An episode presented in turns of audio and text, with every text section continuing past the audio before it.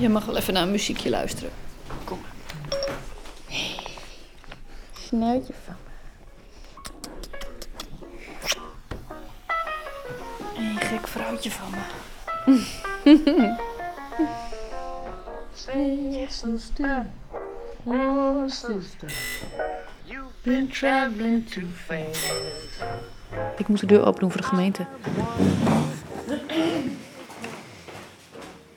Neeltje woont samen met haar vriend en drie kinderen. Twee jongens en één meisje.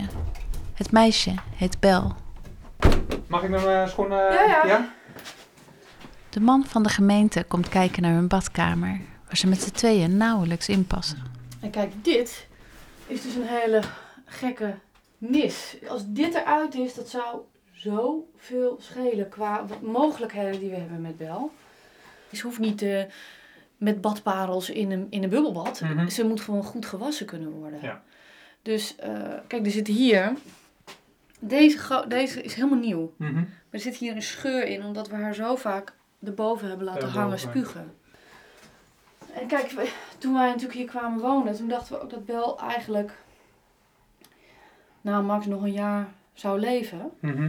Maar Bel blijkt toch wel best wel sterk te zijn. Dus de levensverwachting, eh daar durft niemand meer een uitspraak over, Over te te doen. Dus eh, dat is natuurlijk wel heel... Kijk, we waren... Het was oké om te zeggen, het is een beetje geklooi. Maar ze wordt toch niet oud. Ja, dat klinkt zo zakelijk, maar dat, Ja. dat is natuurlijk zo. Dan ga je niet je hele huis verbouwen voor Voor, een eh, gehandicapt kind wat er, wat er nooit gaat komen, lang, weet eh, je wel. zal Omdat je alleen maar een Ja. babytje hebt. Mhm. En, eh, maar ja, nu... Nu is Bel 2. Ze heeft dagelijks epilepsieaanvallen. Ze kan niet lopen of praten. Eten gaat via een slangetje door haar neus en toch houdt ze het vaak niet binnen. Elke dag moet ze overgeven en elke maand ligt ze een week in het ziekenhuis. Ze kan wel lachen.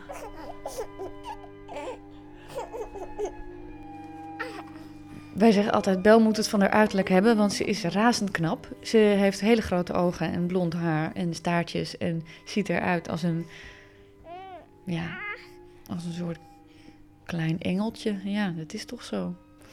Maar ze is helemaal niet in verhouding. Dit, ze heeft een heel kort bovenlijf, bijna geen schouders, e- enorme lange benen. En ik denk nu, als ik haar in een blote kontje zie en dat gekke lijfje waar echt geen bal van klopt vind ik er zo mooi. Precies daarom. Dus ik, ik, ik heb mijn verliefdheid gewoon helemaal zo'n soort omgebouwd naar dit rare, gehandicapte, doodzieke kind.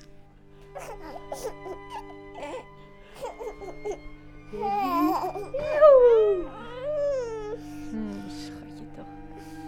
Het leven van Neeltje en Bel is nauw vervlochten met verschillende liedjes en muziekstukken.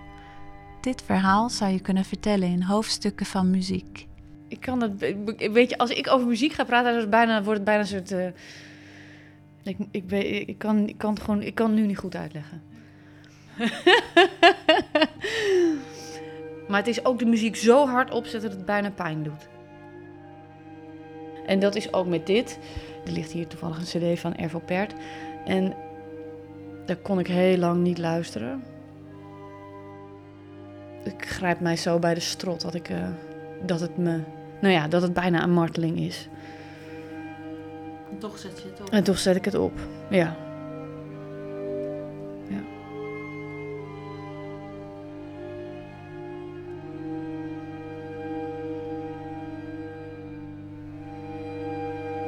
Begin 2012. Neeltje is zwanger van haar derde kind. Ik lag in een heel klein kamertje. Onze eigen slaapkamer. Waar we eigenlijk als eh, sardientjes tegen de muur tussen twee wanden geplakt zaten. Neeltje ligt op bed. Maandenlang. Omdat de bevalling te vroeg op gang dreigt te komen. Ik heb dus met, met mijn tweede kind tien weken plat gelegen. En met, met Bel eh twintig weken. En het is gewoon heel veel liggen.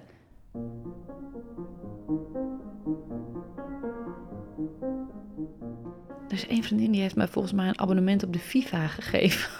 of zo. Dat, eh, nou, dat was ongeveer het niveau van lezen.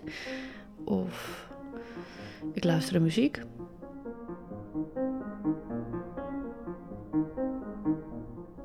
Ja, kantoostinata, nou, ja, jeetje, dat, dat, dat is eh, een stuk met, voor vier piano's.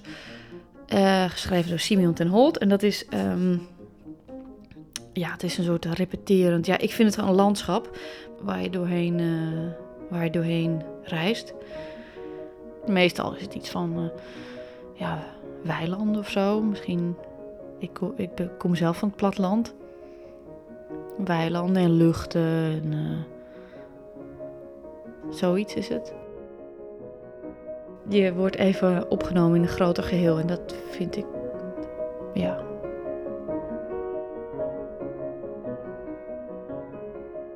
Op een dag wordt duidelijk dat de baby niet meer groeit en dat de bevalling moet worden opgewekt. Maar Neeltje maakt zich weinig zorgen. En eh, toen dacht ik nog, Jack White treedt vanavond op in de Melkweg. Dat is toch een goed teken. No responsibility, no guilt, morals cloud of judgment. Smile on her face, she does what she damn well please.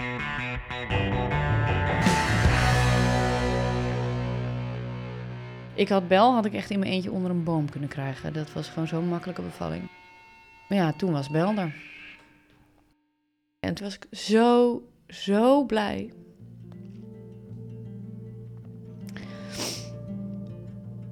Nee, ze- ik zag niks aan haar. Nee, ik, was, ik, ik, ik had helemaal niet het idee toen ik haar aankeek. Het is mis. Helemaal niet. Er zijn kleine afwijkingen, maar de artsen denken dat het niks ernstigs is. Na een week mag Bel naar huis, maar daar ligt ze bleek en stil in bed. Snel zijn ze terug in het ziekenhuis. Neeltje en haar vriend wachten op de uitslag van het onderzoek. Ik weet dat ik daar zat in dat piepkleine kamertje op de rand van het bed.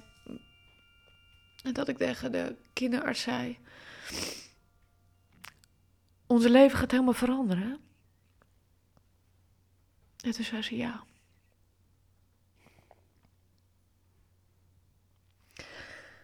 En Niek die zei ook zoiets goeds. Die zei toen, die zei, weet je, we waren alle, weet je, iedereen was al aan het huilen. Maar we wisten nog helemaal niet wat ze precies had. Maar iedereen was al aan het huilen. En mijn vriend die zei, laten we elkaar nu maar vast vergeven voor alle dingen die we gaan zeggen. Ja, wat een inzicht. Bel heeft een zware hart- en hersenafwijking. De levensverwachting is zes maanden. Toen ik dit nieuws hoorde, toen hoopte ik gewoon dat er een enorme griep kwam. Of weet ik veel wat voor een bacterie, die er heel snel een eind aan maakte. Dat was eigenlijk waar ik op hoopte. En omdat ik alleen maar, ik dacht alleen maar, dit, dit niet voor mijn kind. Dit niet. Ja. Ik dacht alleen maar, er moet hier iemand gered worden van haar leven. En het is echt niet zo onbaatzuchtig op zo'n moment hoor, want je eigen leven is ook aan flarden. Dus ik dacht ook voor mezelf dit niet. En voor, voor mijn vriend en voor de, voor de jongens.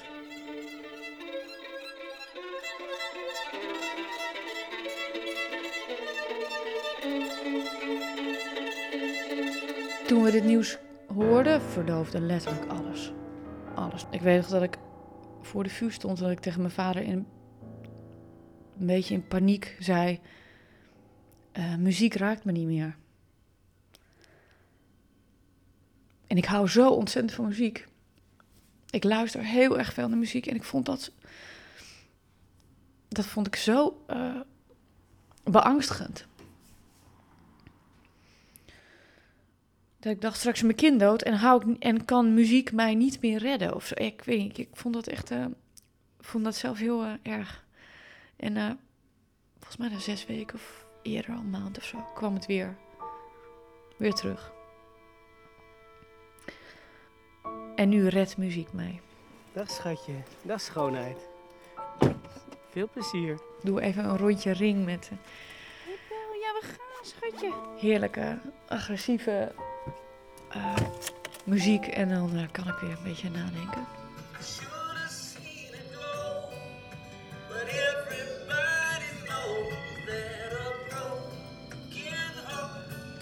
En nou komt hij. Dan moet je hem echt vol openzetten, want het is zo mooi dit.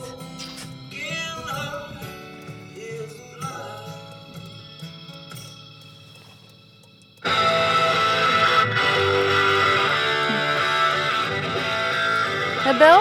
Bel vindt dit ook heel mooi.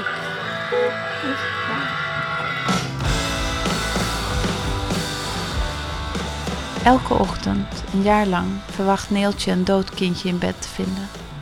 Maar steeds vaker is het een lachend kindje. Bel is sterker dan iedereen had verwacht en de artsen weten niet meer hoe oud ze kan worden. Maar het is de vraag of dat goed nieuws is. Toen Bel drie maanden was, is ze gestopt met eten. Nu, twee jaar later, houdt ze ook steeds minder van de zondevoeding binnen. Wij houden haar natuurlijk kunstmatig in leven. Elke dag. En het feit dat ze gestopt is met eten, dat vind ik een heel belangrijke gebeurtenis. Want haar lichaam heeft gewoon gezegd: stoppen. Niet meer. En wij forceren dat eten naar binnen elke dag. En ze spuugt het weer uit. Dat je denkt: wat zijn we hier in godsnaam aan het doen?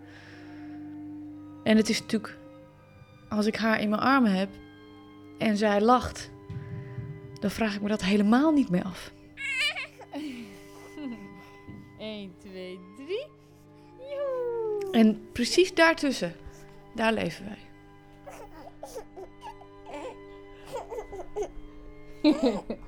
Mm. Hmm. Nog één keer. Hmm.